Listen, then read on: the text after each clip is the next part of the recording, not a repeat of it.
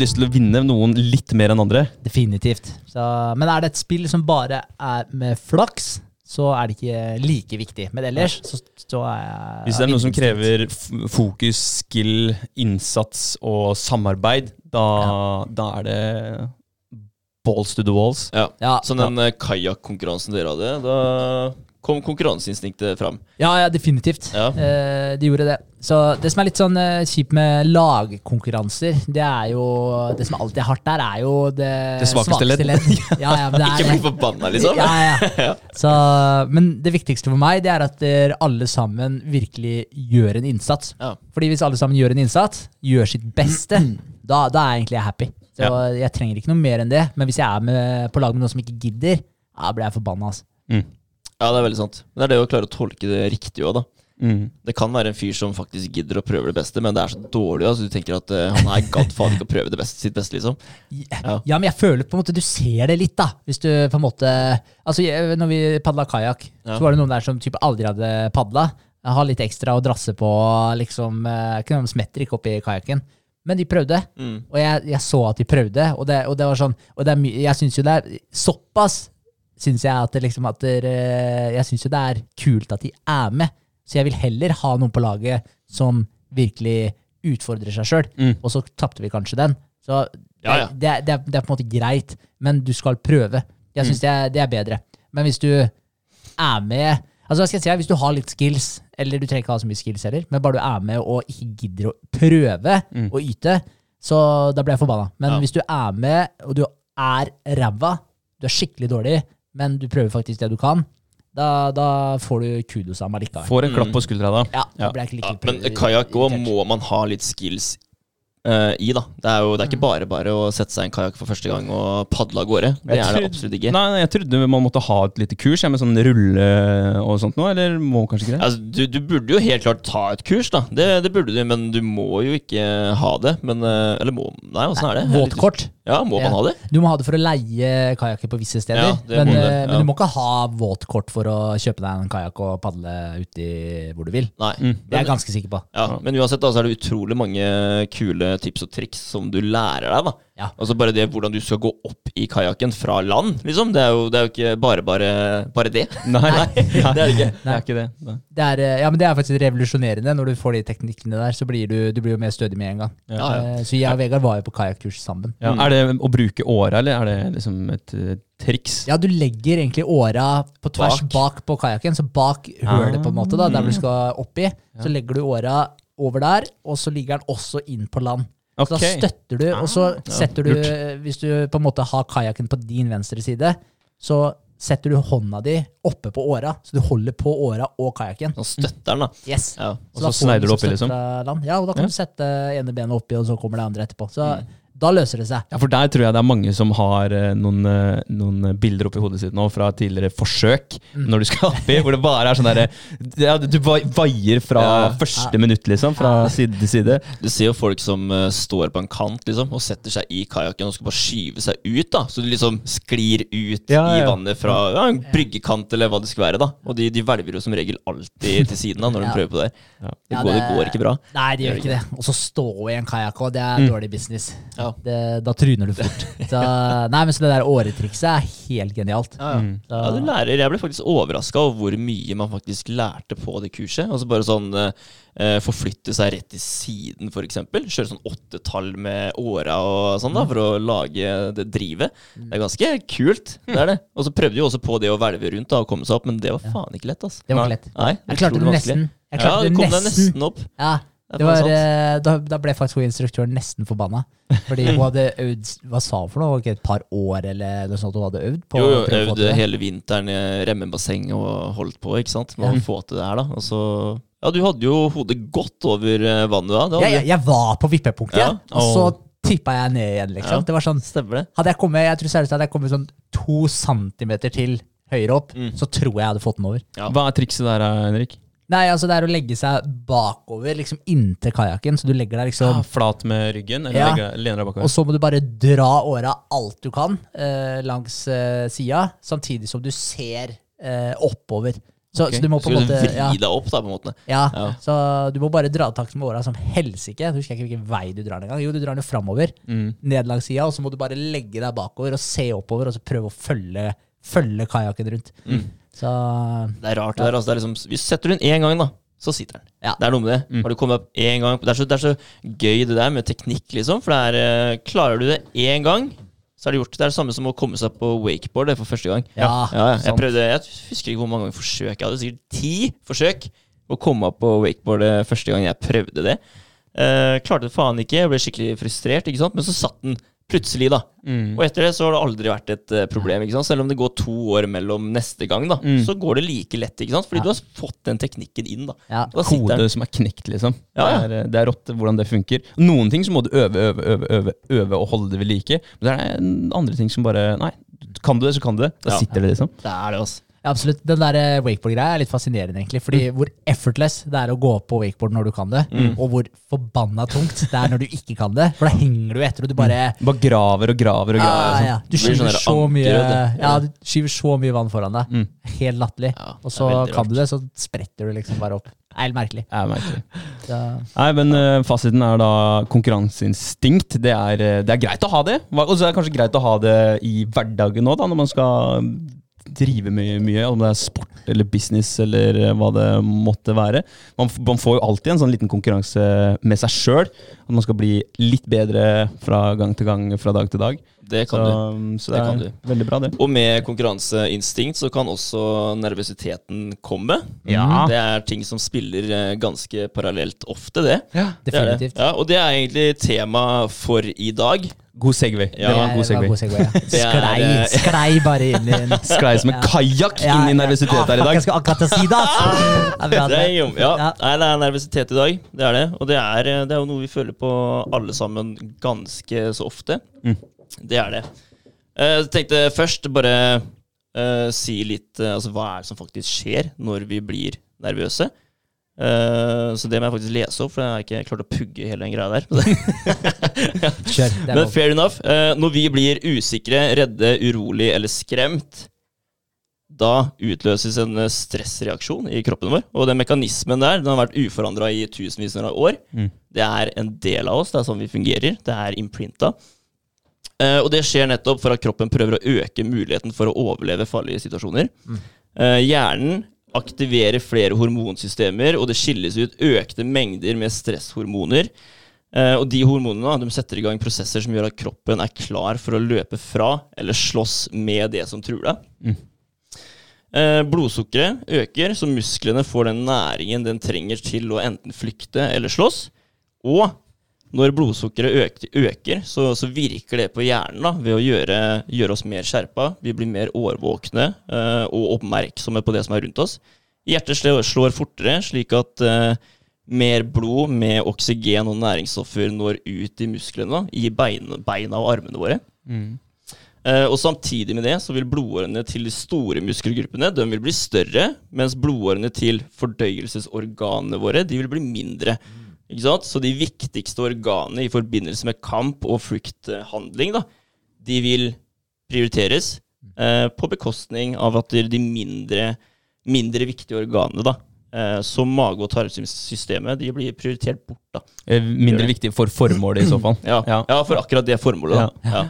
Så der og da så skjer det. Og det er kroppens måte for å gjøre oss klar for den situasjonen eh, vi er nervøse eller redde for. da. Mm. Det er det. Og sånn tror jeg det egentlig er med de fleste sansene og følelsene våre. Altså, De har jo alltid vært der, og de er jo der for en grunn. Det er jo instinktet vårt ikke Mm. sant? som gjør oss klare på alt vi Alt det farlige da, som vi kan eh, møte på i løpet av ja, livets periode. Mm. Det vil jeg tro. Det er jo en kul, eh, kul eh, liten forklaring på det der, Vegard. Det var Ja. egentlig spot on og stressrespons, som det egentlig er. Uh, det du egentlig har sagt, er at det, eh, parasympatiske nervesystemet, som er det, det er det som eh, er på når vi slapper av. Det, det er liksom det derre fordøyelse, puste, ting som Mhm. skjer autonomt når vi er i, i eh, ja, chill mode. Ja. Og så når vi er i sport mode eller i eh, fight or flight mode, så er det det sympatiske nervesystemet, og da er det eh, høyt blodtrykk og høy puls og masse næring ut av alt som skal kjempe. da. Yes. Det er jævlig kult hvordan det funker, og hvordan det har liksom drevet mennesket frem da, til det vi er i dag. Og mange tenker kanskje at ja, men den der stressresponsen der, den trenger vi jo ikke i dag. Vi burde ikke jage av dyr osv. Nei, men uh, ting rundt oss har forandra oss. da. Nå er det en helt annen uh, uh, survival of the fittest. Mm. Det er mer den der lykkes, og man skal få til ting og ja. Bare vite hvordan du skal benytte deg av, av verktøy, da, Mm. rett og slett. Det er jo Ting rundt oss endrer, endrer seg jo hele tiden, men eh, verktøyet er der fortsatt. Det er bare å vite hvordan du skal bruke det. Ja, for det, er, det er et godt poeng, for det er jo, Ja. endringer er jo jævlig skummelt. Det er jo som regel en endring i et miljø eller eh, en situasjon som gjør at man blir stressa eller nervøs. Mm. Det er et eller annet som har endra seg. Det, er- det er litt interessant det òg, fordi eh, i forhold til den stressresponsen tidligere, det var jo ja, fight or flight, Mm. du skulle overleve, uh, slåss mot et eller annet, løpe fra et eller annet. Eh, mens i dag så får vi jo den responsen her i veldig mange sånne annerledes settinger. Ja. skal en eller annen framføring, eller hvis som har pitcha Yes. litt, Vegard, og Yes. de tinga her, så kommer den der eh, responsen der. Det det. Mm. Så det er veldig sånn Det var ikke det den var ment for. Nei, Sånn, nei, egentlig. absolutt ikke. Så det, det er veldig merkelig Ja. egentlig at vi får eh, At man blir så stressa, kan i hvert fall bli Ja. så stressa. Hvorfor blir man så stressa av sånne småting i dag, da, som egentlig var ment for uh, noe veldig uh, vitalt da, før? Men jeg, men, da var det enten dø eller overlev. Ja. Men, uh, men jeg tror vi skal være litt forsiktige der også, for det, det var sanne type situasjoner eh, langt tilbake også. Vi hadde tribes, altså stammer, vi hadde små miljøer som oppsøkte hverandre. Kanskje man var i ett miljø, og så skulle man oppsøke en dame som var eh, hot. da, Og sto der med masse hår under, under arma og langt uvaska, uvaska, skittent hår, huleboerdame som bare Altså du bare Å, shit! Altså, ikke sant? Da, da kanskje han ble litt gira, men samtidig litt nervøs eller stressa, for han skulle bort og imponere. da Danse litt rundt uh, trærne sammen med. Så ja, da, det, er, det var sånne type Settinger før settinger før Ja, også, så vi har, vi har tatt det med oss. Og det er krig i verden fortsatt. Så det er, vi har de samme type scenarioene, bare i forskjellige Altså i både større og mindre skala. da Ja. Det tror jeg er viktig å påpeke. Men det er veldig sant. så er det sånn, altså, hvis du havna i en sånn setting før altså, Det var jo ofte sånn eh, Du måtte jo passe på før når du bodde i en mindre stamme. Spesielt hvis du var litt sånn uh, alfa, du var lederen for uh, triben. Uh, det var jo alltid noen som var ute etter makta, garantert, Mm. eh, som, som ville ta fra deg den. Ja, ja. Eh, og da måtte du sikkert være på vakt, og hvis du ja, gjorde et eller annet feil der Det var ikke sånn at du fikk den på trynet, du fikk sikkert eh, sverd i magen. ikke Ja, helt sikkert. Det er jo som dyreriket, da. Det er jo Når løva begynner å bli gammel, så kommer jo den yngre, yngre hannløva og prøver å drepe den, ikke sant? For Yes. å ta over, eh, ta over rollen. da. Ja. Ja, så det blir jo det samme. Det, ja, ja, definitivt. Vi er Men da noen dyr, jeg- er vi. Ja, Ja, vi er vi er jo det. Vi er jo det. Men, eh, men så, så det er kanskje ikke så eh, Hva skal jeg si Så rart kanskje allikevel når man havner i en sånn setting. Kanskje man pitcher for noen. Man har jo noen forventninger om hvem den personen er. altså sånn Hierarkimessig. Man plasserer seg jo på et visst sted. Da, vet at nå må man prestere. Så, så det er jo sikkert Ja, som du sier, det er en litt eh, Som du sier, André, det er en litt annen greie. En litt annen setting, men samtidig så er det veldig veldig likt, veldig kanskje. likt. Ja. Jeg, jeg, tror, jeg tror ikke vi skal si at det er altfor eh, annerledes i dag, Nei. men at det er, vi har andre eh, faktorer da, som spiller inn. Også, Mm. Jeg tror vi, vi kan bli nervøse for veldig mye mer i dag eh, enn det vi gjorde før. Vi kan bli nervøse for altså gå ut og være ute. Folk, jeg, jeg, jeg føler i hvert fall at det er angst for ganske mye som jeg syns er kanskje unødvendig å ha angst for. Ja, Noe som er Eh, helt vanlig. Helt vanlig, En helt vanlig greie. Og jeg tror ikke du hadde overlevd for eh, 2000 år siden, eh, 3000 år siden, hvis du hadde angst for å liksom være ute i naturen, da, for eksempel. Det tror jeg ikke, fordi du bodde i naturen. Ja, det, det, ja, ikke For eksempel. Ja. Det, er, det er jo en grunn til at vi har de eh, impulsene og de instinktene som vi har i dag. Det er jo Mm. fordi de har vært en eh, favorisert egenskap eh, som har blitt breeda videre. Hvorfor? Jo, fordi du har overlevd. Mm. Grunnen til at du ble nervøs. Ja, ok, kanskje du stakk litt raskere fra den, der, eh, den faren som dukka opp, da, og derfor eh, kom eh, genene dine videre med i genpoolen. Så, ja, så, så det er jo en grunn til at vi har de instinktene og impulsene i dag. Det er jo ikke, det er jo ikke tilfeldig i det hele tatt. Nei, det er jo det som er selektert fra naturens side. Ja, det er, det jo mekanismer for at vi skal kunne fortsette å være på jorda. Men eh, tro, hva tror dere om liksom sånn type en, en nervøsitet for høyder, da, også kalt høydeskrekk?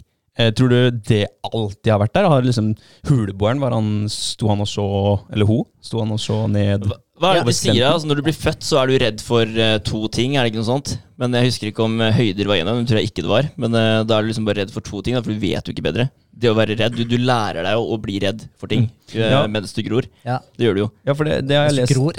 Mens du vokser. Vokser og gror. Shit, det blir mye planter nå. Ja, vi er, Gikk fra dyr til planter. de er jo Ja. levende Ja. organismer, de Ja, også. ja, de er det. Ja. Ja, de skriker jo når de får vondt og sånn. Det er jo ganske hilarious vegans, men ok.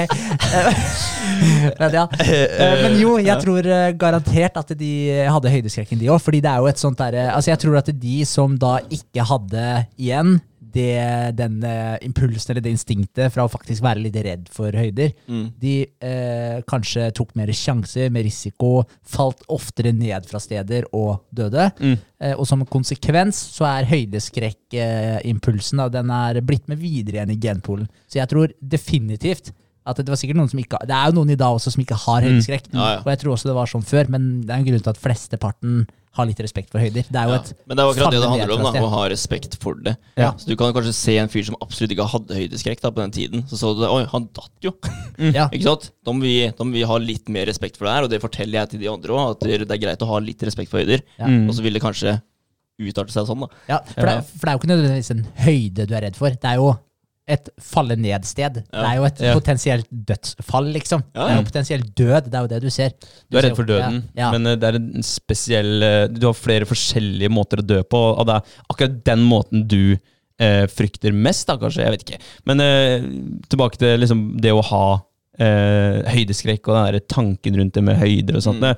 Tror vi har snakka om det på poden før også, men det, er, eh, det var en, en bok om, om hjernen, da, hvordan den utvikla seg. og det var akkurat, akkurat det der ble jo nevnt, at vi før, når eh, vi ikke hadde ild til å mm, måte jage vekk eh, ville dyr og ha et bål som gjør at vi kunne holde varmen og jage bort insekter og slanger osv., så, videre, så så vi jo i høyden. Og da var det jo ofte at eh, Eller ofte, det, noen ganger i hvert fall, at folk ramla ned i søvne og døde. Og sånn så har jo det også ble, blitt med i genpoolen vår, da, inn i DNA-et vårt, at det, eh, det å ligge høyt og muligens ramle ned i døden da, eller å skade seg, det er skummelt. Så av den grunn så kan det hende at det, den derre eh, sensasjonen man opplever når man ligger i senga og bare plutselig våkner med et rykk, bam! Ja, horribelt. At det er fra da vi lå oppe i jungelen, liksom. Ja. Så det er, det er ganske kult. Det er, kan være noe vi har fått da, fra tidligere Ja, generasjoner. Hvorfor ikke? Altså, tenk når du fyrer opp et bål, da, og du sitter og ser på flammene. Ja. Du føler den tryggheten. Mm. Ja, og det tenker jeg stammer tilbake fra den tiden. og At du satt rundt der, du hadde bålet, du følte deg mye tryggere fordi dyra turte ikke å komme nærme nok. ikke sant? Mm. Og jeg tror det er noe som henger igjen fra den tiden. da. Det Ja, er helt enig. imprinta i oss. Ja, altså Bare det å dra ut i naturen og sove altså, Det er så sjelden man gjør det hvis, hvis man ikke er en sånn aktiv friluftsperson. Mm. Sånn som i, Min pappa er veldig glad i det, så han er ute kanskje ja, en gang i måneden, i hvert fall. da. Eh, og det er mye mer enn det her. Eh, ute og ligger i en eller annen hengekøye eller telt eller noe sånt. Noe. Men når man først er ute, ute i naturen og sover ute der hvor vi har sovet for så jævlig mange år siden, det er noe spesielt med det. Du, du finner en eller annen sånn ro som du ikke klarer å gjøre når du er omgitt av tusenvis av idioter da, som uh, hele tiden skal ha oppmerksomheten din. Duppeditter som hele tiden skal ha oppmerksomheten din. Det er Mm. alltid noe som trenger deg. Mens uh, når du er ute da, i skauen, så er det ingen som trenger deg. Du trenger deg sjøl.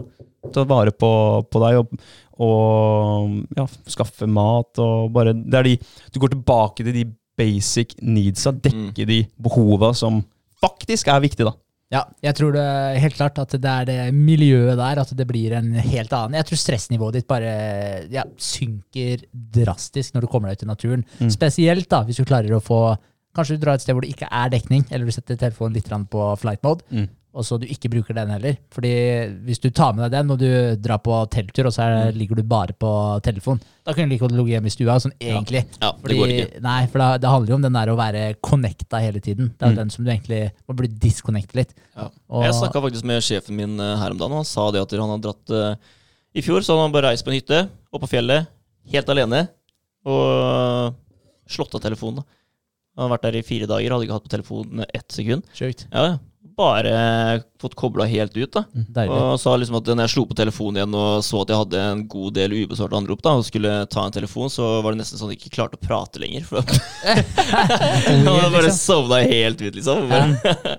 så det, ja, det er speisa, da. Men eh, jeg tror at det kan være noe utrolig viktig for eh, veldig mange. da Å faktisk bare få trukket seg litt tilbake oss Ja. innimellom. Det blir jo en sånn der, altså det blir jo den der detoxen som vi har Ja. snakka litt om, da, fra sosiale medier og egentlig fra litt sånn teknologi generelt. Mm. Eh, nå mener jeg ikke at teknologi er en, eh, hva skal jeg si, en, en dårlig ting, eh, men eh, det har med forholdet man har til det å gjøre, selvfølgelig. Mm. Eh, men det du gjør når du drar ut i naturen, og du får den detoxen fra alle disse dopaminkicka, fra alle varslene, alle meldingene, anropa, alt det som hele tiden gir deg den dopaminkicken som, du, som gjør at du lengter tilbake til telefonen din for å få noen flere av de varslene og kjenne at du, eh, hva skal jeg si, folk har lyst til å ha tak i deg, og at du, jeg vet ikke, får den der tilhørigheten. Mm. Men, eh, så det blir jo på en måte en sånn, det blir jo en detox når du kommer deg ut i naturen, på lik linje som at du typ avvennes av et eller annet rusmiddel som du er avhengig av.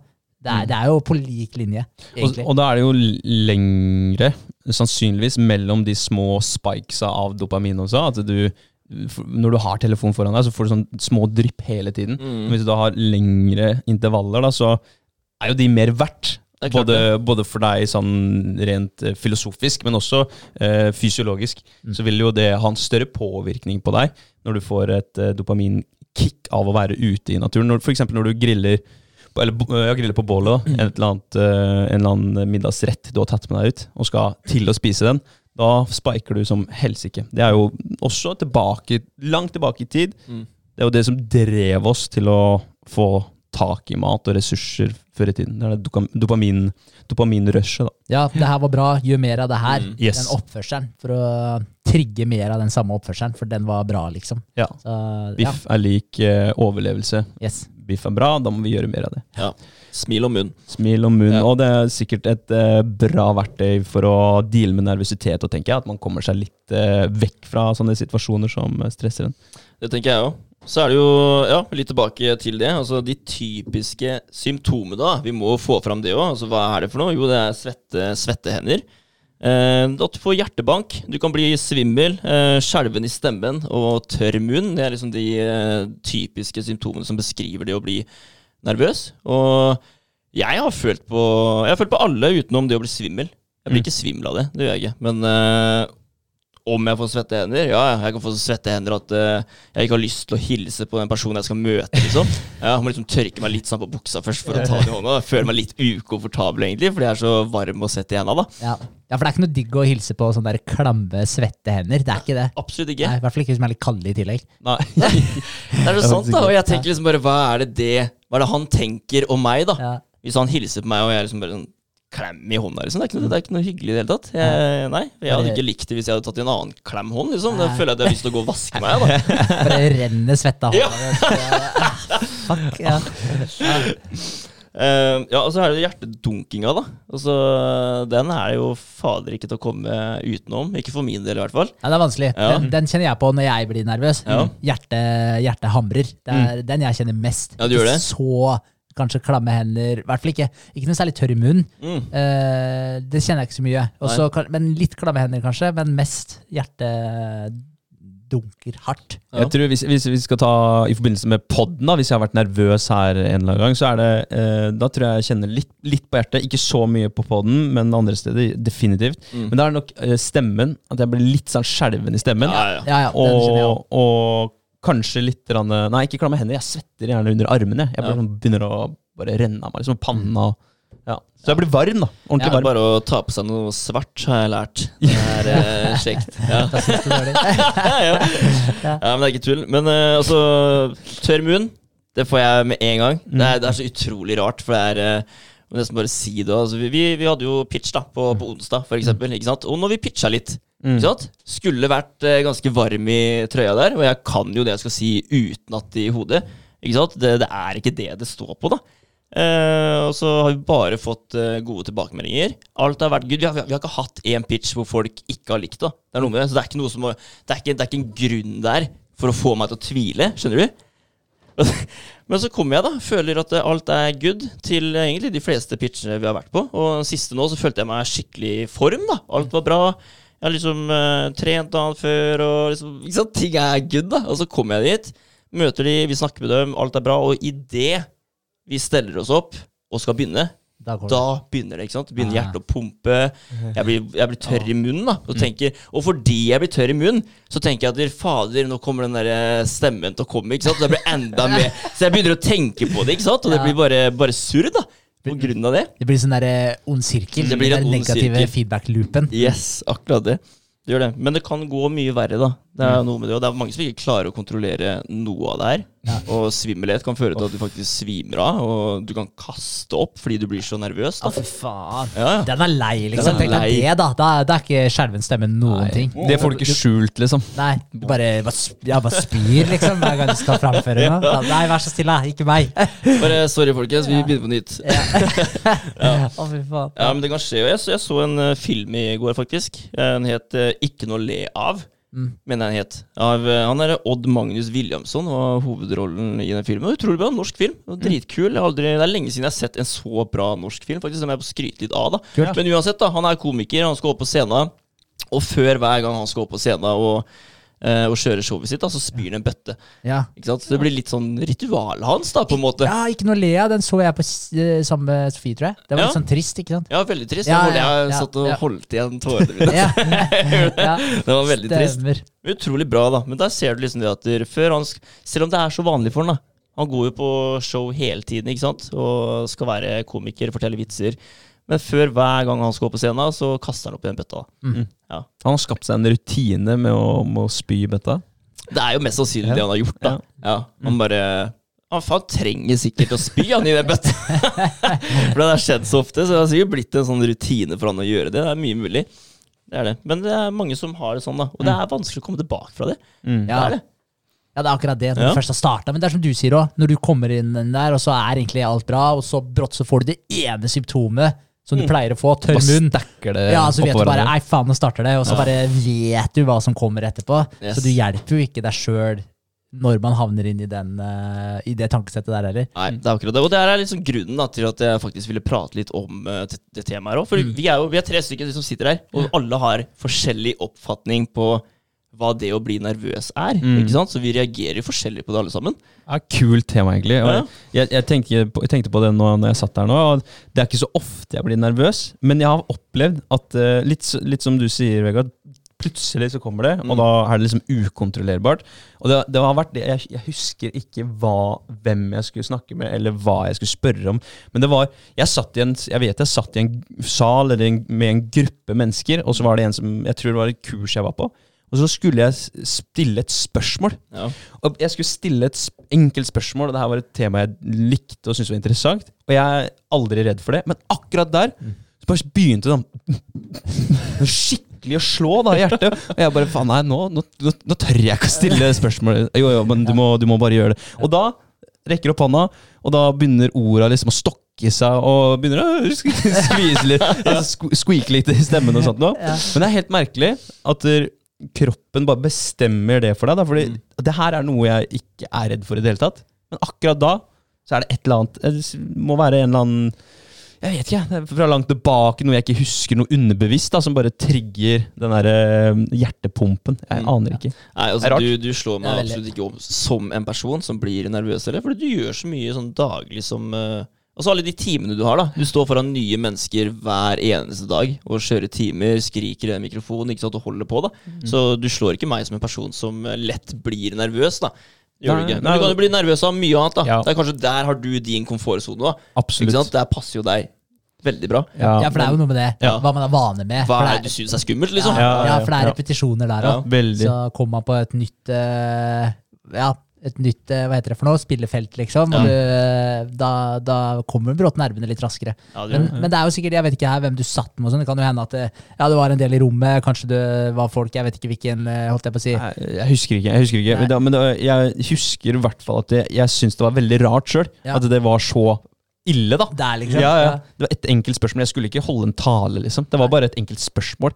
Mm. Eh, men det kan være, som du sier, at det var noen i rommet der som jeg hadde skikkelig sånn der, eh, et eller annet forhold til. da Om det var en pen dame eller en kjekk gutt, eller jeg vet ikke. Men eh, et eller annet Kan jo være. Ja. En eller annen som du så litt opp til, kanskje. Kanskje. Et eller annet, jeg vet ikke. Men eh, jeg tror også at når man først har begynt, da, Mm.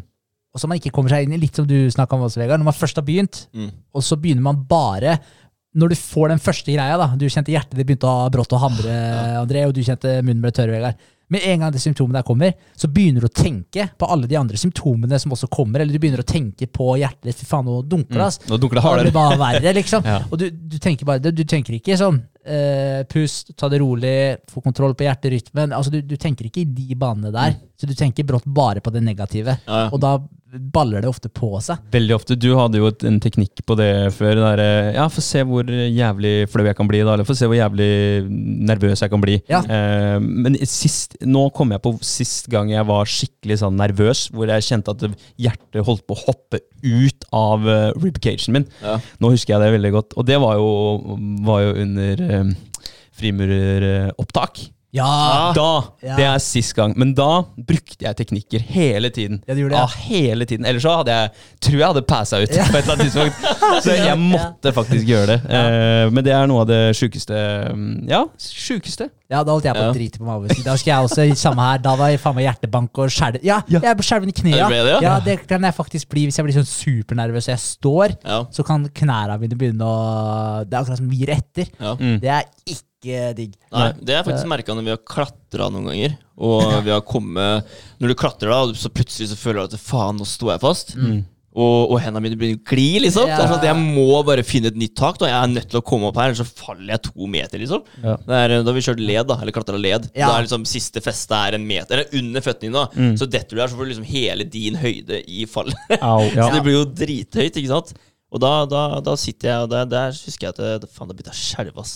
Da bare rista hele kroppen min, egentlig. Men det er rart, altså. Det er vemmelig. Ja, eh, jeg tenkte på det når du sa det i stad angående nervøsitet, at det liksom eh, de store muskelgruppene de får eh, blod da, for å kunne blod, eh, oksygenrikt blod for å kunne agere. De får næring for å kunne utøve et eller annet. Det, eh, jeg vet ikke om det her eh, henger med nervøsitet, men jeg føler at hvis jeg er i en sånn skikkelig overraskende situasjon, typ eh, eh, nesten-kollisjon med bil Hvis du Shit, der må jeg bråbremse, liksom. Da føler jeg faktisk at jeg mister beina. Jeg føler at eh, blodet trekker seg opp mot det indre organet. Det er får liksom å flette seg vekk fra Ja, men Det er helt sjukt. Så jeg ble helt sånn nummen i beina etterpå. Så skikkelig sånn nummen og skjelven. ja. Så men jeg vet ikke om hvor, hvorfor det, liksom. Nei, Jeg vet ikke, men ja. altså, de der eh, hormonene som du får i kroppen, det er jo kortisol, adrenalin og noradrenalin, heter det. Så du blir jo pumpa full av adrenalin da, når du Eller ikke full, av, men du får adrenalin i kroppen da når du blir nervøs. Ja. Kan, Det kan være at man, når man sitter i en bil, så får man på en måte ikke gjort så veldig mye. Så den der nummenheten, den hadde sikkert føltes annerledes ut hvis du var oppe og gikk og, og For da hadde du hoppa ut, ikke sant, og hadde brukt beina. Men nå får du ikke brukt dem, så nå får du bare en sånn her skikkelig Skikkelig weird feeling da, i beina. kan det være. det er veldig sant. Absolutt. Det er veldig sant. Og så er det litt det der med hvordan du Altså, når du blir nervøs, da, så er det det vanlige er å si til deg sjøl 'slapp av'. Mm. Ikke sant? Men det er egentlig det dummeste du kan gjøre. Ja. Ja, Mm. ja, ja for det er eh, det er eh, det, altså, Fordi du har to, to greier der. Det har blitt gjort en liten studie på det, faktisk. Og det er eh, symptomene til å være nervøs og symptomene til å være spent. da Mm. Det er de samme. Mm. Ja, Så det å heller prøve å si til deg sjøl når du er nervøs at fy fader, nå er jeg spent, nå er jeg gira, liksom, nå er jeg hypa opp, da. Det er en mye enklere overgang da å komme derfra til å si til deg sjøl at du, nå må du slappe av. Mm. Ja, Ja. ikke sant. For den er vanskelig. Mm. For den, har jo ikke, den er jo ikke i nærheten. Så heller bare prøv å flytte til noe som, som er det samme. da Det er, det er liksom bare at du, må, du må få hodet og kroppen til å gå fra det negative til det positive. da Prøve den eh, transaksjonen der. Ja, altså det er, Da sier du jo egentlig deg sjøl at du er noe. Eh, Det er mye lettere, det er mye bedre å være noe eller identifisere seg med noe enn å si at 'jeg skal'. Fordi da, da er det langt fram i tid. Mm. Da, altså, jeg, jeg, jeg, nå må jeg slappe av. Ja. Altså, men, men du er ikke det nå. Eh, nå er jeg spent. ja, fordi Um, du går fra å ha en sånn trusseltankegang, Mm. hvor du tenker på alt som kan gå gærent, ikke sant? Men hvis du går til den spente, da, Mm. så går du mer til den mulighet-tankegangen. Ja, liksom. Ja, hvis jeg får til det her, hvis det går riktig det som jeg skal, så kan mange muligheter åpne seg for meg. da ikke sant? Kult. Fordi du ser hele tiden mot fremtiden. Hva er det som kan skje? Selv om det er trussel eller om det er mulighet. da Mm. Så er det liksom, ok, du visualiserer all den dritten som kan gå gærent, Men du kan også gå over til det positive og visualisere alt det positive da, som kan skje hvis du faktisk nailer det her. da. Det har jeg ikke Mm. tenkt på engang, at du knytter det, knytter det til det positive på den måten. Ja. Fordi Jeg har vært veldig klar over akkurat den der, ja. for jeg har hørt noen snakke om tidligere også. Den har jeg eh, adoptert sjøl også. Vi snakka jo om det etter eh, siste pitch nå. Ja, vi gjorde Ja. det. Og, men jeg tror eh, altså jeg, jeg har ikke visst at det på en måte jeg har, ikke, jeg har ikke tenkt på det, og jeg har ikke visst at det tar deg fra å tenke på det negative til å tenke på det positive. For det, da tror du jo på det positive utfallet, i stedet for å tro på det negative utfallet, som vi nesten alltid gjør. Mm. Så, men jeg, jeg, for jeg har gått vekk fra å bruke den der eh, Men det funka, det òg. Den du nevnte i stad. André. Bare sånn, ja, bli mer nervøs, da. Kom igjen, da. Klarer du å bli mer nervøs? Ja. Den funker, den også, for den tar tankene dine på noe, over på noe helt annet. Sånn, den bare Jeg vet ikke om den hjelper deg sammen med den tellemetoden òg. Telle ned fra fem. Mm. Det funker veldig godt også, så jeg vet ikke om den på en måte har litt samme effekten. At, det, at du bruker et annet senter av hjernen. Jeg er litt usikker. Switche fokus. Ja, okay. Ja, noe med det. For, for den, Switch focus. ja, for den Ja. telle ned-greia, den, den gjør jo det. 100 da, da bruker du et annet senter av hjernen. Men jeg vet ikke om den der eh, andre teknikken gjør det. Den må si til deg sjøl bli mer nervøs. For det også fungerer veldig bra. Eh, Men jeg tenkte på det med hvis du skal si en ting, og du vegrer deg for å gjøre noe, Mm. og du sitter og Jo lenger du venter, jo verre blir det jo. Telle ned fra fem da, det fungerer helt ypperlig. Bare fem, fire, tre, to, én, sier du det. Og Mm. teller inni deg, og så sier du det med en gang. Uansett hva du skal gjøre. Det fungerer kjempebra. Men eh, jeg merker den der eh, teknikken der òg, i forhold til å si til deg sjøl at der, ja, nå er jeg spent, nå er jeg gira, liksom. Mm. For den har jeg brukt nå i det siste. Det funker. Ja, jeg skal helt klart gjøre det neste gang. Ja. Jeg skal, ja. Så, nei, så det er bra. eh, Ja, og det er jo som jeg sa, da, det var en eh, studie her. Og eh, de tre, det var tre ting da som de skulle gjøre. Det var bare helt eh, vanlige mennesker. Som eh, det ene som skulle gjøre før de oppgavene her. Og oppgaven var at eh, du skulle synge en eh, sang, og de skulle ha en eh, presentasjon, og så skulle de eh, ta en mattetest. Mm. Det var de tinga. Og det eneste de skulle gjøre, var bare å si til seg sjøl at du, jeg er spent, da. I stedet for å si at du enten ro deg ned, eller ikke si noen ting. Så bare fortell deg sjøl at eh, fader, nå er jeg spent, når de kommer i den eh, nervøse situasjonen. Uh, og det endte jo med at de som sang, de sang eh, 17% bedre, da. Og hadde mye mer Eller bedre sang, sang og bedre kontroll på stemmen. Eh, og var 17% bedre på presentasjoner. Og så var det 22 bedre score da på matteprøvene. ja. Sjukt. Ja, ja. så det er jo Jeg jo tenkt altså, Det er jo sant, da. Bare se på Når du setter deg ned og skal kjøre en mattetest, da, og så har du ikke troa på deg sjøl. Du er nervøs, og du bare lar deg sjøl drifte ned i den negative eh, banen, liksom. Det er jo klart uh, du vil gjøre det dårligere da enn hvis du sitter der og opp. Jeg, jeg tror at du ser på ting mye enklere òg, altså løsninger, alt sammen, da. Så lenge du har den positive holdninga, da. Fordi du, du nekter deg basically sjøl å klare det når du sitter der med den negative holdningen. Ja, men det, ja, det er akkurat det. Ja. Du sier jo til deg sjøl 'fail'. Ja, Vær så det. snill. Fail. Ja, det er jo basically det du sier. Ja. Ja, du har jo en innstilling som undergraver hele testen hele matteprøva. Fordi at du, du vil jo du vil, For det første så vil du jo ikke Du vil ikke ha en drive som du har når du er spent og gira, som gjør at du angriper head on. Men for det andre så vil du jo også, eh, når, du, når det dukker opp et problem, da, Mm. en, en eller annen ligning som du ikke får til, så tenker du at ah, det her går ikke, og så, og så prøver du, og så krysser, krysser du ut, eller visker ut, og så prøver du, og så du, du klarer ikke å stole på magefølelsen din heller, tror jeg. tror at den forsvinner litt, for du har ikke troa på deg sjøl. Og den magefølelsen er jo ofte Det er ofte eh, opp gjennom min eh, skolekarriere at jeg skulle hørt på magefølelsen min. Mm. Eh, hvor jeg pussa ut og bare skrevet et annet tall, og så bare fuck. Ja, ja. Ja. ja. det har jeg gjort mange ganger. Ja, ikke sant?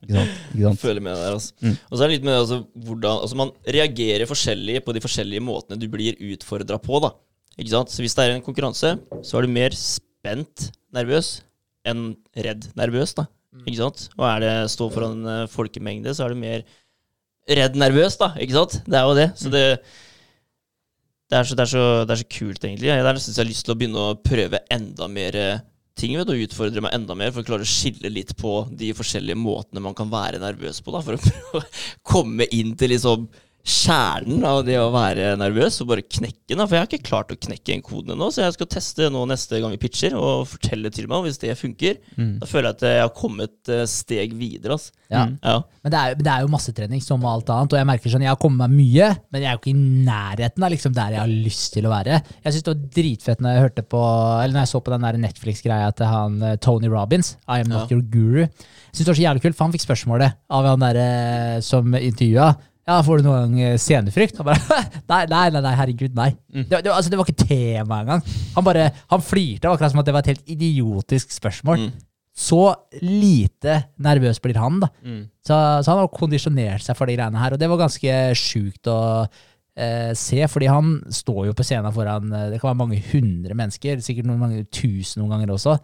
Og, så, og han tar jo alt på, på flyen, liksom. Ja. Men, eh, men han, han flirte. Altså, det var akkurat som at han var bare sånn Nei, nei, hva faen, liksom? Er du helt tett, eller? Bare sånn, det, bare, det eksisterte ikke i verden hans. Og det syns jeg var eh, helt sjukt å se på. Man har sikkert klart å vri på det. Vet du, for jeg så, jeg så, en, eh, så et klipp av han der, hva heter han, Simon eh, eh, Hva heter han? Cowell, eller? Han derre eh, Hva heter han? Han derre Å, herregud. American Talent Nei, nei, nei, nei, Simon uh, Sinek. Sinek, ja. ja, stemmer. Ja, ja. ja. uh, og han sa det, da. Det er så typisk med, med toppatleter. da At der, uh, reporteren kommer og spør Ja, var du nervøs. Mm. Ikke sant? ja. Og de bare Nei, men jeg var, jeg var spent. ja. Mm. Ikke sant? Og det er, eh, det er liksom alle, da. Ut ifra alle sammen som ble spurt, så sa alle det, da. Nei, men jeg var spent. Ja. Ikke sant? Eller jeg var gira, da. Ja, så Det er egentlig et dumt spørsmål, for du spør en som på en måte Jobben er å være spent og gira. Det er sånn Ja, ja. Fotballspillere også. Altså, ja, var dere nervøse før den kampen? her? Nei, vi var excited, liksom. Ja. Vi, vi, vi var klare for å ta tre poeng. Det er veldig sånn, De har jo faen meg fått uh, hva heter det for noe? Eh, coaching på det å klare å snu om eh, tankegangen vet. Det er jeg helt sikker på. Ja, Ja. Ja, det er mange, mange som gjør det. Mange som betaler mange tusen kroner for å få hjelp. Og du trenger ikke å være superstjerne heller. Du kan være sånn som oss uh, i det studioet her. Så kan du få god hjelp av en eller annen uh, mentaltrener. Jeg er helt sikker på.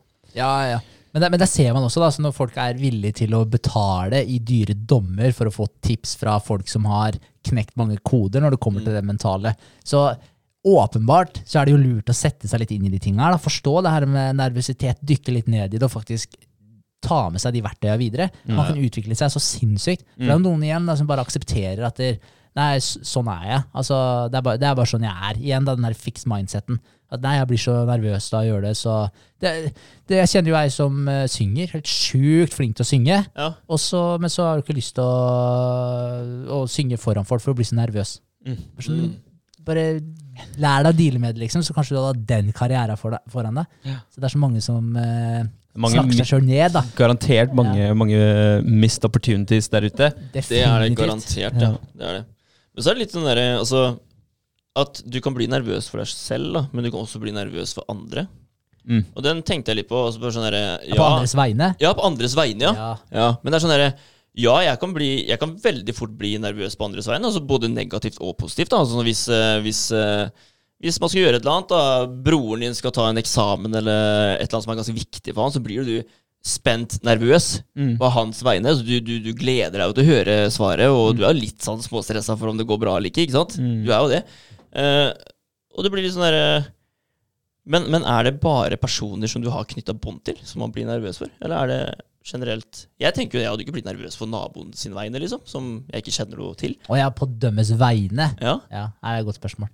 Altså, Jeg tipper kanskje det er mest de du Ja. Eller jeg, jeg, Jeg, det, jeg, handler ikke det her om eh, liksom, typ empati? At man klarer å sette seg inn i noen andre sitt, sin situasjon? For hvis du ikke har en anelse om hvordan det greiene Altså Du vet ikke hva han holder på med engang, eller han eller hun. Mm. Så Hvis du ikke har noen peil på, på hva det er, så kan det jo ikke bli nervøs. Men jeg, jeg, altså jeg har et litt sånn der, Jeg vet ikke om det her er direkte Jeg sliter med å plassere det øyeblikket her. Fordi det er bare Det er litt inne på det vi snakker om nå, men jeg vet ikke om jeg ble nervøs på dømmens vegne. Eller om jeg bare syntes det var straight up sinnssykt ubehagelig. Jeg er litt okay. usikker. Men jeg var jo i en eh, begravelse for ikke så altfor lenge siden. Og, eh, og da er det jo den derre Hva er det det heter for noe? Eh, etterpå så har man sånn derre Vake eller noe. ja, ja. Ja, ja, jeg vet Ja, det er, altså når man uh, spiser og prater og kaffe og ja. Er ikke, min, er ikke, det, er ikke det minnestund? Ja, minnestund. Jeg, jeg vet ikke, men det er i hvert fall etter, etter begravelsen er ferdig, da. Veldig få begravelser. Ja, ja jeg, jeg også. Heldigvis. uh, og, så, og da skal det jo være litt sånn, litt sånn hyggelig, litt historier osv. Og, Mm. og så, og så eh, skulle hun, moren til han som hadde gått bort, skulle holde en tale. Og så eh, Og hun har en fin tale, liksom, og det kommer eh, litt sånne artige innspill, og det blir litt lettere stemning, og Så det var liksom sånn Det var en fin tale. Og så, rett idet hun er ferdig, liksom, så bare reiser det seg opp en, eh, en gammel fyr. Og han visste jeg fra før, da, at han var litt sånn der eh, ute og sykla, fordi han hadde sittet sammen med noen andre som vi, som vi holdt jeg på å si, kjenner. Og så Eh, og så hadde ei fra det bordet hvor de satt, hadde kommet bort til oss, og det var liksom sånn til, eh, til samboeren min var liksom ja, du skal ikke gå bort og spørre om de har lyst til å ta kaffen og kakene med dere, liksom. Tror de trenger å bli redda der borte, liksom. og, og så, så hun hadde gått bort kjip, altså. ja, så, så hun hadde gått bort og spurt eh, om de hadde lyst til å komme bort til oss. Så det endte jo med at han satt jo basically eh, da det var langbord, så han satt jo, så det var liksom renska rundt på sida på hjørnet her med han. Og så hadde han jo han der stakkaren som satt ved siden av han, og han som satt skrått over han igjen, som han kunne prate med. Men eh, det er veldig sjuk, for altså, jeg, jeg, det spiller ingen rolle om jeg tar det, jeg kommer aldri til å høre på det her uansett. Da. Men da, sønnen hans hadde tydeligvis gått bort for eh, en stund siden. Han hadde blitt drept, da, knivdrap, Oi. liksom. Og han drev og snakka rundt der med liksom, hvor mange ganger han har blitt stukket, og hvor han ble stukket, og hvor mange centimeter inn kniven hadde gått på de forskjellige stedene. Og folk var helt satt ut, ikke sant. Så han, eh, han stjal jo bare hele showet der. Og så, eh, og det er han fyren her, da. Så nå vet jeg jo alt det her på forhånd, ikke sant? så jeg vet at han her er, han er litt uh, sprø. Og, så, og jævlig gammel. Og så bare er det han som reiser seg opp. Sånn helt sånn, Han bare klinga bare reiste seg opp og vi skulle legge til noe greier. da. Og så begynner han å prate, og jeg var så veldig spent på hva som, hva som kom her. Og så begynner han å prate og begynner å legge ut om en eller annen kirke som ble bygd borti her, og nærmeste grava, hvor langt ifra hjørnet på kirka var, og sånn. Og jeg, jeg, jeg ble helt sånn hva faen, hva, hva er sammenhengen der? Liksom? Jeg skjønte ikke dritt av hva han snakka om. Og jeg tenkte sånn, nå må du komme til poenget snart, for tida begynte å gå. Og jeg bare merka at det ble sånn skikkelig ubehagelig stemning i rommet. Og, og fy faen, jeg slet, og han fortsatte å bable om de greiene her. da. Og Jeg visste ikke hvem jeg skulle se på, jeg klarte ikke å se på noe, jeg måtte se ned. Og jeg bare kjente at det ubehaget bare flowa opp i kroppen.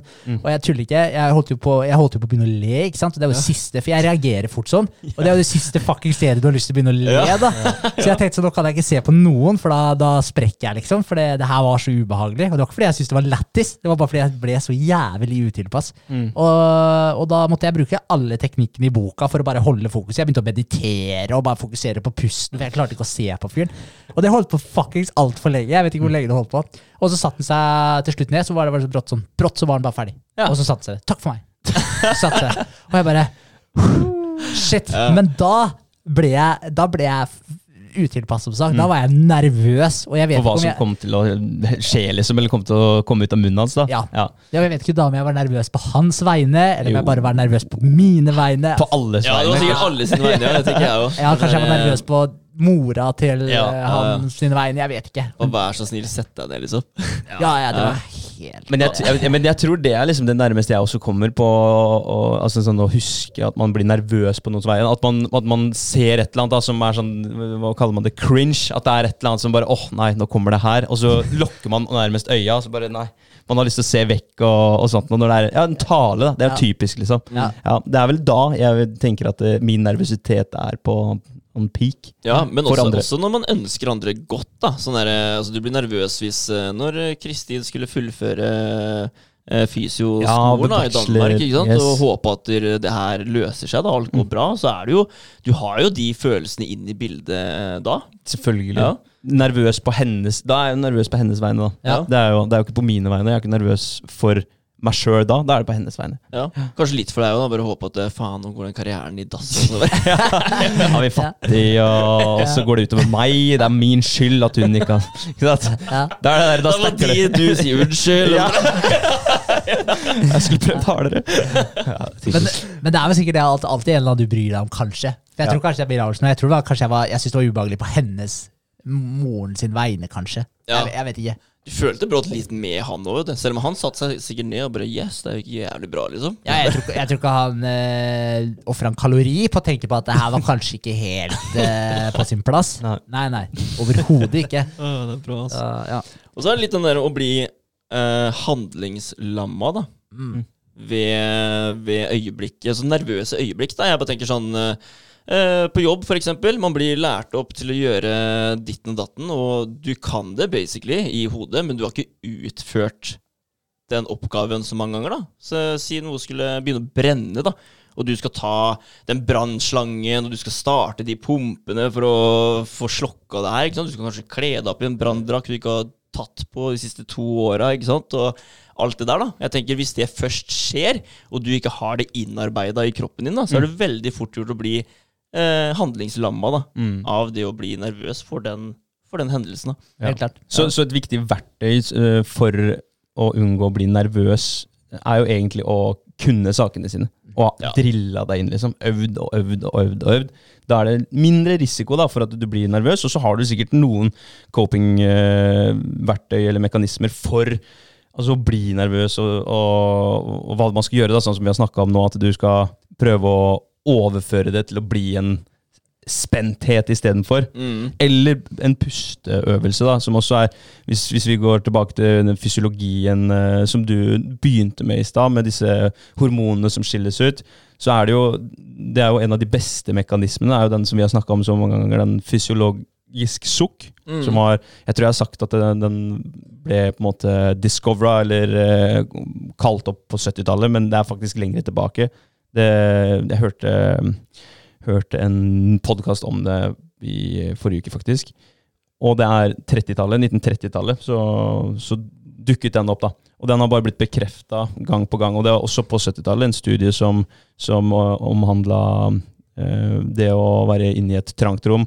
Da får man noe som heter klaustrofobi, og måten man puster på da, hvordan Eh, hvordan oppfører kroppen din da, og så har den tatt masse målinger på det her. da, Og da er det faktisk sånn at det, det å puste dypt inn, det er med på å øke eh, hjerteslaget og hjertekraften. Så pumper du mer ut fra hjertet. Det å puste dypt ut senker hjerteslaget. Du får roligere puls eh, og blir mindre stressa. Da, da går du litt tilbake til det eh, parasympatiske nervesystemet. Mens når du puster dypt inn, så er det mer det sympatiske igjen. da. Det er mer action, mer adrenalin. Så Ja, når du da Mer oksygen til blod. Yes. Ja. Så når du kombinerer de to her, da, så får du det beste av begge verdener. Men det fokuset er på utpusten. Fordi da, som vi har snakka om før, da forteller du faktisk også kroppen din at du skal slappe av. Spenningene skal eh, gi seg, samtidig som du har disse inhaleringene som uh, gir deg oksygen. da. Ja, Men Mm. må du bare ta et lengre, roligere Yes. utpust da? Ja. For å forlenge akkurat den biten, liksom, kontra inn, inhaleringa? Ja. Ja. Det som er litt kult med inhaleringa, er jo at det, som skjer når du tar et dypt åndedrag inn er Du flytter en av kjernemusklene dine som heter diafragma, som sitter i bunnen her. Du flytter faktisk den for å få plass til lungene. Og, og da sendes det en impuls til, eh, til hjernen din om at ok, nå har diaf- diafragma flytta på seg. Eh, hjertet skal nå få mer eh, hand, eh, handlingsrom, og, skal, og lungene skal få mer plass. Og blodårene skal også utvide seg. Så når du puster dypt inn, så er det flere ting som skjer, da, som gjør at du skal, som du sa i stad, eh, bli mer årvåken, Mm. fokusert, handlingskraftig istedenfor handlingslamma. da. Det er kult. Ja, det er kult. Det er det. Så det er også et jævlig viktig verktøy. Det er også det verktøyet du hadde. Og så er det det å, øh, som du sa nå, øh, pugge. Pugge, ja. Det er liksom den typiske du får da hvis du søker eh, eh, hvordan, eh, hvordan ikke bli nervøs når du presenterer. da Mm. Det er liksom der, kun det du Eller du skal kunne det du skal presentere, og pust, liksom. Det er liksom den typiske prøv, prøv å roe deg ned, da. Mm. Det er jo basically det de sier. Mm. Men eh, da skal vi se da om eh, det faktisk lønner seg å roe seg ned, eller om det lønner seg å bli spent isteden. Men jeg tror Ja. det er kombinasjonen der. Jeg, jeg Mm. tror det er Fyll lungene med oksygen, og så Ja. fortell deg sjøl at du, du er avslappa, Ja. og at du er gira. Du er klar for å, å ta ansvar. da. Ja. Mm. Det, det der med å ta et dypt uh, åndedrag også. eh, Når jeg har lest typisk høytlesning, det er jo lenge siden jeg har gjort det nå, egentlig, men, uh, men sånn typisk på skolen og sånn. Hvis man ikke tar seg tid til å ta det dype åndedraget og, og får ordentlig med luft, så, man, så har man hele tiden lite pust når man henger etter i lesinga. Og da blir det at det, når det først kommer en punktum, så tar man ikke den ordentlige pausa, den der ordentlige kunstpausa, og tar det dype åndedraget. Som ingen i rommet tenker på hvis du faktisk tar det, Mm. men du stresser deg opp, ikke sant? Og da er du hele tiden på for lite pust, og da blir det stress over lesinga di hele veien. Ja. Men hvis du stopper opp én gang, og det her har jeg tatt meg i fordi jeg havna litt i et sånt mønster, så da måtte jeg fikse de greiene her, da. Det jeg gjorde da, var å ta et dypt pust, bare stoppe med en punktum. Trekke pusten ordentlig, og så fortsette å lese. Og det, og det ble en helt annen eh, opplevelse, den uh, framførelsen eller det utdraget som jeg da leste. Bare ved å ta ett dypt pust, for da satt du på en måte premisset for hele. For da, da er det ikke så ille å ta neste dype pustet Nei, heller. det er noe med det. Så Mm. Det blir et sånn jag da, gjennom hele teksten da, som du skal lese, eller talen, eller hva det skal være. Det blir, det blir et jag. Det gjør det. mm. Og jeg tenker jo det, det skaper kanskje mer spenning òg, når du kjører litt den rolige holdninga, og du tar det pustet, du stopper litt, Mm. du venter i spenning ikke sant, på Yes. hva som kommer neste. da Ja, Bygger opp litt. grann, Så Så skal du ta kontroll, egentlig. de gjør jo det. Ja. Og hvis du bare fosser ut som en, eh, som en eh, ja, foss, da, eller vulkan, bare spytter ut, eh, spytter ut flammene én etter én, Ja. så, så er det det de forventer resten av tida. Så da er, du legger opp til at du må bare fortsette med den der raske, raske frekvensen på orda dine. Mm. Så sett deg sjøl opp for å, å snakke bra, da. Mm. Ja. Lurt. Ja. Bra. Hva tror dere er eh, følelsen Altså, hvorfor tror dere nervøsiteten blir trigga hos dere? Hvilken følelse er det dere liksom vil unngå? Jeg føler at det selv, For meg, da, altså den følelsen jeg ikke vil ha, da, det er kanskje den følelsen av å mislykkes. At jeg blir redd for at andre tenker at Nei, han fikk det ikke til. Mm. Ikke sant? At det kanskje er det jeg blir mest nervøs av. da. For det er liksom det jeg føler sånn hver gang det er en stor test på jobb, da, eksempel, og det er eh, utrolig mye som skal bli gjort, og du har med deg flere kunder som står inne på kontrollrommet med deg, og du har eh, Teams med kunder der, og du må snakke engelsk med dem, og du må snakke norsk med dem, og så har du radioen med flere vakter på, og så sitter du der, da, og den på Teams ser hele skjermen hva du driver med, ikke sant? Det blir sånn Og så sitter du der hele tiden og tenker at du for det er, jo, er flere skift som har jobba med det her. Det, jo, det har gått over flere dager for å komme ned til den testen. Og du må først, først og fremst må du stole på at alle andre har gjort det riktig. Sant? For du går over sjekklister og ser at eh, alt er huka, men alle kan huka en luke på sjekklista, liksom. Det er veldig lett, selv om du har gjort en feil. Mm. Det er det. Så det er den derre Du må stole på alle, og du må tenke sjøl at jeg har kontroll, og du vet at alle står og ser på det du driver med. Og det er den følelsen av at det kan smelle når som helst, da, hvis det er en liten feil som er blitt gjort. Og hvis det smeller, så tenker alle at det er du som har gjort den feilen. Selv om det kanskje ikke er det, men det er du som blir dømt først. Det er det jo. Så jeg tror at den følelsen der kan jeg bli litt stressa. Det føler jeg når jeg kjører tester. At jeg klarer ikke å slappe av før jeg begynner å kjøre ned igjen. Da, Mm. da kan jeg liksom bare Ok, det gikk bra. Ja, ja, ja. Så jeg sitter litt sånn spent hele veien, Mm. og idet vi liksom er ferdige og begynner å kjøre ned, da klarer jeg å ta det litt med ro. Ja. Men jeg, jeg tror ikke det er uvanlig, det er Nei. å være redd for å, å mislykkes. Det er vel egentlig Det er vel en av driverne for å faktisk lykkes. At du, du må jo være litt redd. Du må jo være redd for å dø for å kunne leve. Du skal ikke gå i konstant frykt, men jo, lite grann. Du skal være litt redd. Du skal, det, altså, livet er ikke sånn superlett for alle. Det er faktisk ganske vanskelig. Det er kanskje det som gjør at du presterer best òg. Det å faktisk Altså, du, skal jo være nervøs. Mm. Du skal jo, for det er, det er har, det er da du er fokusert og mest oppmerksom. oppmerksom. Ja, du sa det i stad, adrenalinet skilles jo ut når du er litt nervøs, eller Ja. når du er nervøs. Så, og det er jo med på å gjøre deg skarp. Mm. Adrenalin og noradrenalin og den acetylkolin, som også er med på eh, muskelkontraksjoner. At du, det skilles også ut når du er stressa, Ja. muskelkontraksjoner, sånn at du faktisk klarer å eh, kjøre den pullupen for å komme deg opp hvis du henger eh, fra en bygning, eller hva faen det måtte være.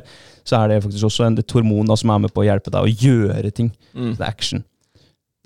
Den følte jeg faktisk på flyttlinja. Altså når vi var i ut, utdrikningslaget, Ja. og vi bada Så bada vi eh, på utsiden av sjøboden din, Henrik.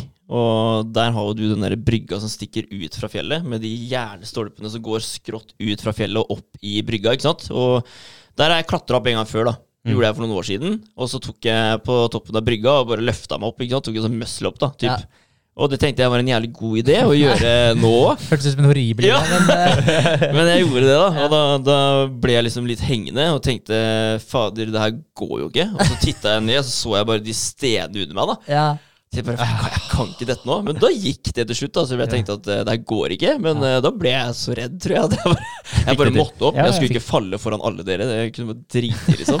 Ja? Da tror jeg bare alle kreftene bare samla seg, og så bare tok det taket der. Er stressrespons. Det er bra. Det hadde vært småkjipt om du bare glapp taket der og knakk skinnleggen eller noe sånt. øh, opp i båten Det var jævlig kjipt. Ja, Ja, det var akkurat kaos. derfor jeg valgte å ikke kjøre 13-meteren med alle boysa, liksom. For jeg var redd for at noe skulle skje. Altså jeg som gjorde det mest risikofylte.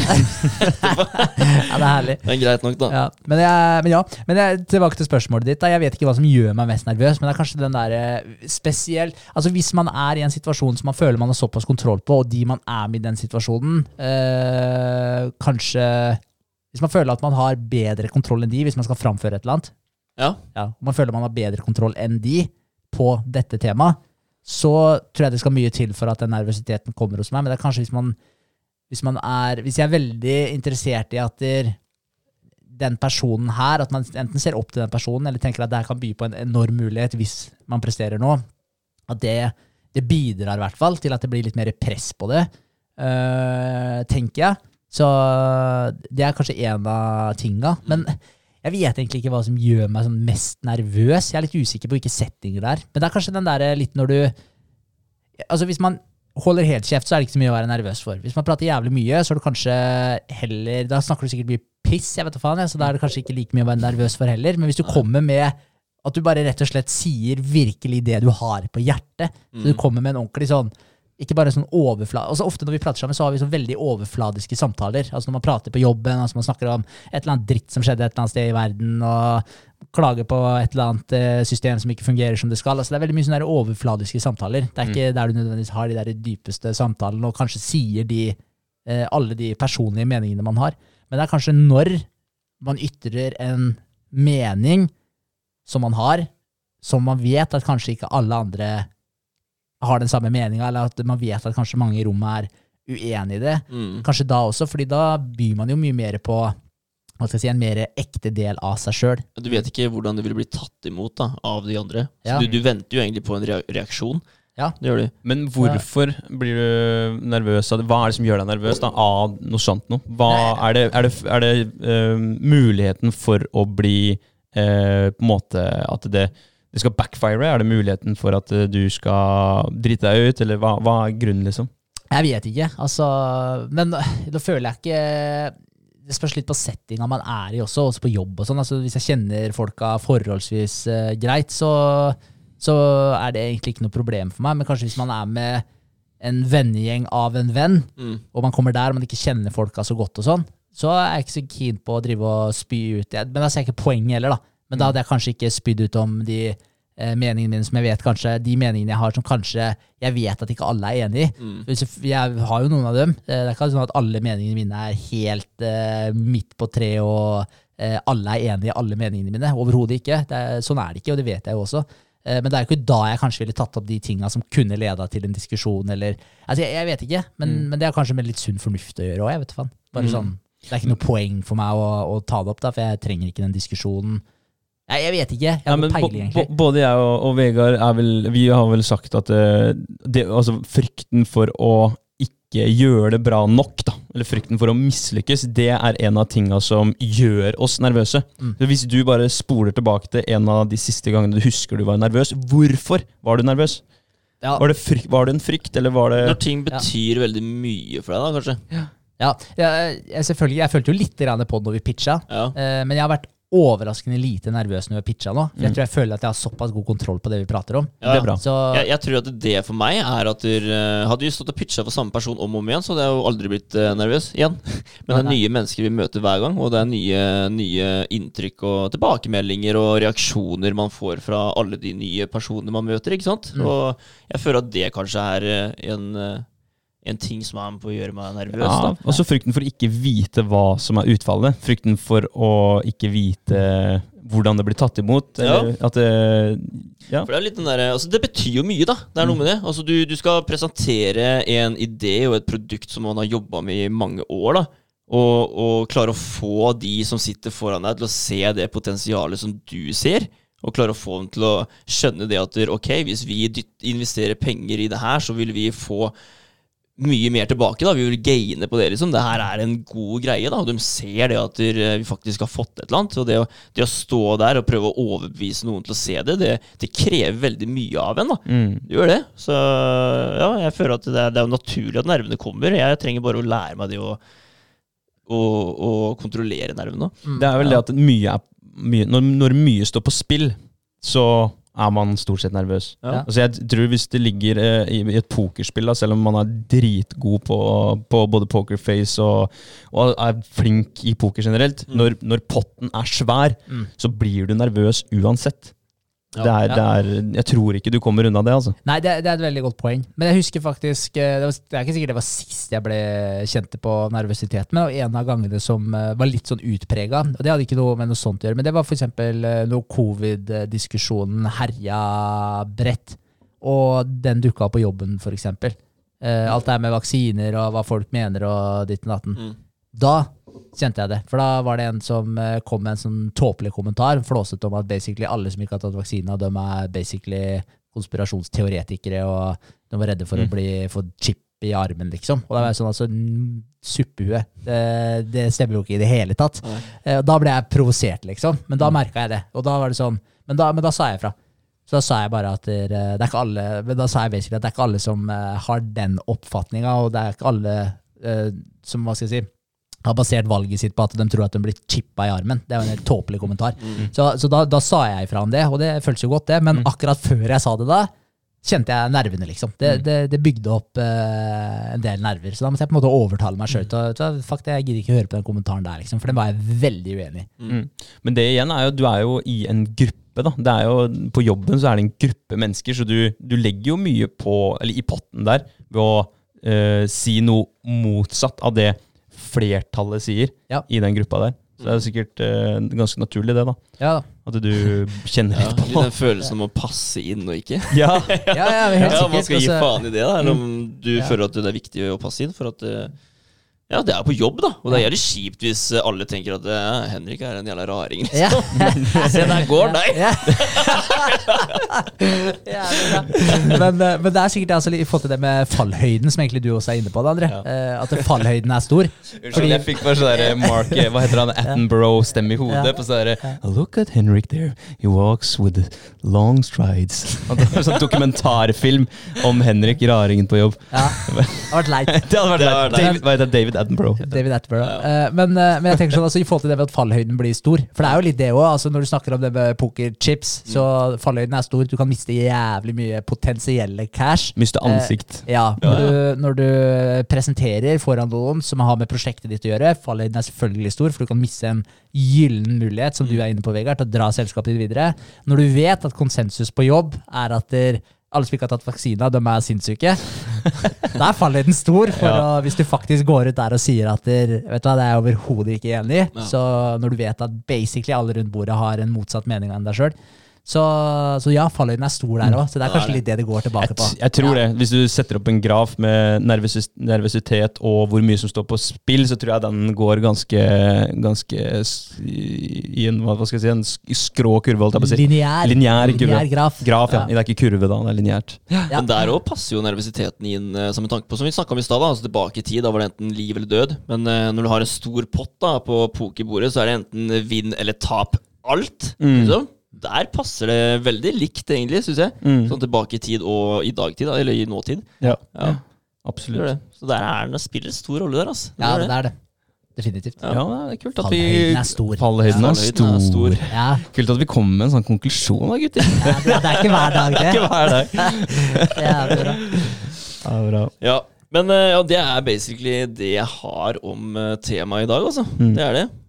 Ja, skal, jeg, skal jeg avslutte med at jeg var litt nervøs eh, i helga, jeg òg? Jeg var nervøs på noen andre Ja, jeg var faktisk ja. nervøs på noen andre sine vegne. Ja, det er bra. Ja, for jeg, jeg, jeg måtte fram med superheltkappa mi, faktisk. Yes. Var på eh, Skeikampen og beisa hytte. Ja. Ja, så beisa hytta hele helga. Og, og på dag to eh, så ser jeg på nabohytta Jeg kan ta en liten backstory. Det er, oppe på Skeivkampen. Det er masse sauer rundt omkring. Så når vi kom opp dit, så var egentlig alt, altså inngangspartiet og verandaen og alt, var drete og pissa ned. Så det var en sånn skikkelig hyggelig velkomst. Måtte stå med sånn hagespade og skuffe eh, sauemøkk oppi, oppi mm, eh, poser, og så ja, med det. Altså, det var ikke så hyggelig. Så vi hadde et sånt eh, Vi hadde dårlig forhold til søvne fra før av. Så det var ikke, det var ikke søvnes eh, helg for oss. Eh, men uansett, da, så på søndagen der, siste dagen, så titter jeg bort på hytta til naboen, så ser jeg bare en stol som, uh, som flytter seg nedover uh, terrenget. Så jeg bare faen, hva gjør den stolen der, liksom? altså, hva, hva greia? Er det sånn elektrisk stol? Er det rullestol på fjellet? Nei. Men uh, så måtte jeg jo gå litt nærmere, og da ser jeg en sau da, som har hodet gjennom en klappstol. Så han ja. satt fast i den uh, stolen der. For en noob. Ja, for en noob. Han skulle, han skulle sikkert prøve å sette seg oppi, og så klarte han ikke det. Ah. Ja. Så da måtte, måtte jeg fram med superheltkappa. Så måtte jeg gå bort og så måtte jeg prøve å få han til å være rolig, og det er ikke så lett. Han var stressa og redd. Og så, men heldigvis så roa han seg ganske kjapt. Mm. Så løsna vi på den stolen, da, vet du. Og det, Det er her ble, og det her ble tatt på film, så det, er, det kommer snart på YouTube. Ja, Man kan ikke gjøre en god gjerning uten å filme det. Nei, det er Det går ikke. Okay. Og så Det er i, havet. I havet så får skilpaddene plass rundt halsen. På fjellet så tar klappstolene søvne. Ja, ja, ja. Da må vi, vi må hjelpe både sauene og skilpaddene, syns jeg. Ja, det er. Det er viktig. Det er veldig sant. Ja, så det var, det var en hyggelig greie, da. Ja, bra. Men da ble du litt nervøs på dens vegne. Jeg ble det, Ja. ikke sant? Så, så jeg hadde litt empati med, med han. For jeg har faktisk sittet hodet fast i et rekkverk før, og det er ikke så hyggelig. Så Du har det, ja? ja, ja. Da føler du deg dum. da føler jeg deg dum. Jeg var jo dritliten, da. Ja, ja. Det Du vet, Når du er dritliten, så har du også litt sånn mykt hode, så du får liksom klemt det gjennom eh, sprinklene på et rekkverk. Det er så bra, det. Ja, litt Ja. såpe hjelper når du sitter i klypa. Ja, Ja, ja. Men det er litt sjukt det òg, da. Altså, dere har en hytte på Skeikampen og kommer opp dit, og så ser du at det det er bare noen dyr som har, som har tatt over den hytta der, og ser på det som sin. da Ja. Du er faktisk nødt der og bare Øy, folkens, det er faktisk vi som eier den hytta der, her, liksom. Ja, for det var, ganske, det var ganske sjukt, for vi kom opp dit der, som du sier, Vegard, og måtte begynne å jage dem. ikke sant? Og så var vi der over natta, og så kommer de sånn lyskende inn i gården, og så står de og titter på oss og bare Hva faen, dere har tatt hytta vår, tenker de. Ja. Og vi bare nei, det her er vår hytte. Så vi prøvde å, ja, prøvde å jage dem bort, da, men eh, altså, de var skikkelig sta. Så jeg nærma meg de, på, var på sånn én meters avstand, og begynte å, og så bikkja mi var med òg, da. Og da begynte de å trampe da, sånn hissig mot oss. Bare, var sånn skikkelig grinete. Da ble jeg litt nervøs for eh, både mage og understell og alt som var, om de Ja. skulle bukke til oss, liksom. Ja. Så da ble det å poke dem bort med noen eh, stokker, da. Så kom de seg unna etter hvert. Jævlig bra. Ja, Dere må få opp et gjerde, da. Er det Ja, liksom? ja, det, ble, det ble bestilt faktisk eh, på tirsdag. Mm. Moren til eh, min samboer og, og broren, da, som uh, har den hytta her, uh, hun kom jo opp på tirsdag, så det ble bestilt samme dag som uh, møkka lå på plattingen. Ja. ja, men det er smart, da. Ja, er- sånn skigard. Men så er det noen sånn reguleringsplan som sier at eh, det ikke er lov, da. Men uh, det er jo tusenvis av skigard der oppe, så jeg tenker sett det opp, og så får det stå til noen sier at du skal rive det ned. Ja, herregud. Ja. Faen, du skal regulere alt som er i dag. Det er ikke Ja. lov til å gjøre noen ting uten å søke om det og spørre om tillatelse. Det Ja. syns jeg er utrolig slitsomt. Ja, jeg synes det er ganske slitsomt, i hvert fall for folk som ehm, bidrar og prøver å få til noe, sånn i forhold til byliv eller Halden, altså kultur, hva som helst. Jeg føler at det blir møtt med mye motstand. Mm. Eh, jeg leste noe nå nylig om eh, Bryggerhuset, var det vel, som har en sånn uteservering, eh, og den går ut over en, et fortau, Ja. som er nede i byen her i Halden. Ja. Eh, og det ble, har blitt lagt inn en klage, da, og blitt involvert en advokat eh, for å, å få det Altså få bort den uteserveringa, fordi at det, eh, den blokkerer altså, veien for ei med rullator. Men det er faktisk seks meter, altså seks lange steg, da. Kanskje 20 korte steg for hun med rullator. Seks meter til eh, høyre, da. For mm. dette gangfeltet så er det tilrettelagt et nytt gangfelt. Ja. Men det er tydeligvis ikke bra nok. Vet du, jeg blir så svett av sånt der, for jeg er helt enig. Altså, det er, selvfølgelig, Man skal verne om visse ting, sånn at man har en viss kontroll på utviklingen som skjer. Jeg er helt enig, og det er noen områder som er viktig å ta vare på. og alt Det der, selvfølgelig. Det er viktig med en, eh, en eh, balanse her. Mm. Men når det kommer til sånn, altså Bryggerhuset ordnet en fin uteservering Mm. om sommeren. Og det er sånn akkurat når jeg glemmer bort at den har kommet, og jeg skal inn den innkjøringa der, så er det liksom ah, faen, det var den, ja. Ok, Ja. men da får jeg kjøre rundt, da. Ja. Det er jo ikke verre enn det. Nei, det er ikke verre enn det. Nei, Absolutt ikke. Og det her er, eh, er um, altså, Jeg leste at det var i hvert fall søkt om, og alt var godkjent. Og de har, det er jo noe som heter universell utforming, som alle, eh, i hvert fall businesser, skal ha. Altså for folk som har lokaler, folk som har ting som Altså som eier ting da, som kan være i veien for folk. Det må ha en utforming som gjør at du, du kan uh, passere om du er blind, om du har rullestol, uh, om du eh, har dårlig hørsel. altså Det skal være tilrettelagt for absolutt alle. Mm. Og det, det var det, da. Alt var tilrett- tilrettelagt uh, der. Men allikevel så er det noen som klarer å klage. Og det er, det er eh, frustrerende, da. Ja, det er trøttsomt. Det er Altså, noen som bare har- trenger det, da. Det er noe med det. Det er Ja. noen som bare trenger å slenge inn den klagen der og få ut uh, hva skal jeg si, frustrasjonen sin på akkurat det. For de får ikke utløp på noe annet. Da Mm. finner de bare det perfekte plassen sin.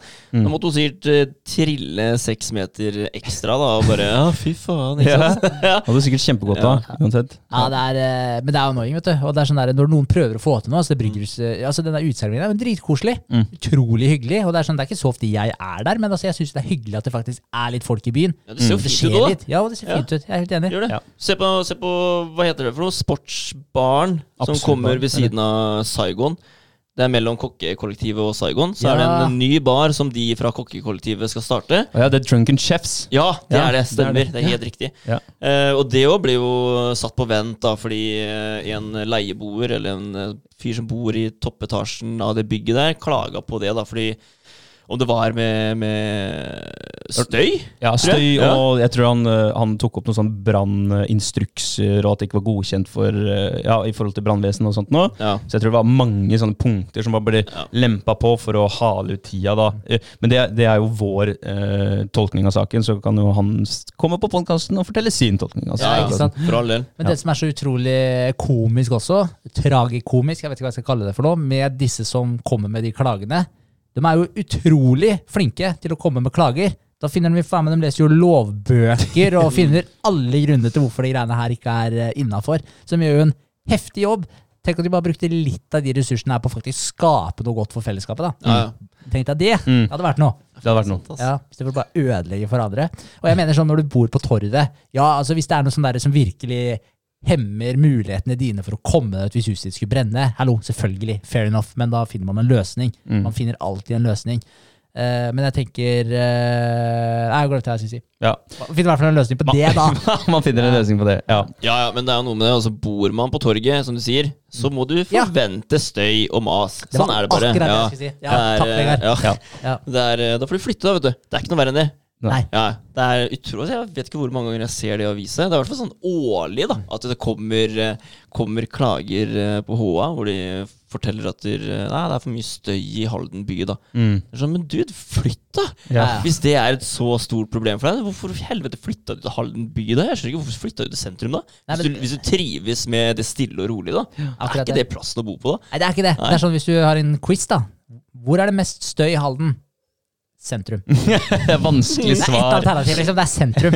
Altså, hvor er det mest støy i Bergen? Det Er mest sannsynlig sentrum. Oslo? Nei, det er nok sentrum. Altså, Ja, ja. ja, det er, ja. Men det er, jeg vet faen, kanskje det er den der, eh, utrolig enkelt å bare gå til kafeen på Tistasenteret og sette seg der klokka ni på morgenen. Det kan jo være noe med det òg. ja, Nei, man kan ikke få både i pose og sekk. Ikke stille og rolig og være midt i sentrum. Dessverre. Dessverre. Ja, Dessverre. alle kan ikke bli fornøyde. Nei, kan ikke det. Men eh, nei, whatever. Whatever. Whatever. Ok. Ja. Nervøsitet. Wrap it up. Skal vi ta uka, eller? Ta uka. Ja.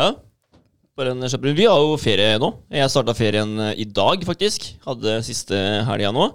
Så utrolig deilig. Skal jeg nyte og jobbe jobbe. Ja. Det er det som skjer eh, den helga her. Altså jobbe med sideprosjekter, da. Ikke jobben. Nyte å jobbe. Nyte å jobbe. Ja, ja. Så vi får kjøre en sånn god balanse. Er det nydelig vær, så får vi jobbe litt og ta pauser, stikke ut med båt og kose oss, bade. og Alt det der. Man skal fortsatt føle at det er ferie, selv om man kan jobbe litt på si. Det føler jeg er viktig. Ja. Så vi har en del vi skal gjøre, faktisk, den eh, ferien her. Så jeg tror det kommer til å bli jævlig bra. Jeg. Det blir jævlig bra. Det blir jo mye podding òg, faktisk. Det gjør det I- også. Mye med gjester, til og med. Ja. Så det er jo bra.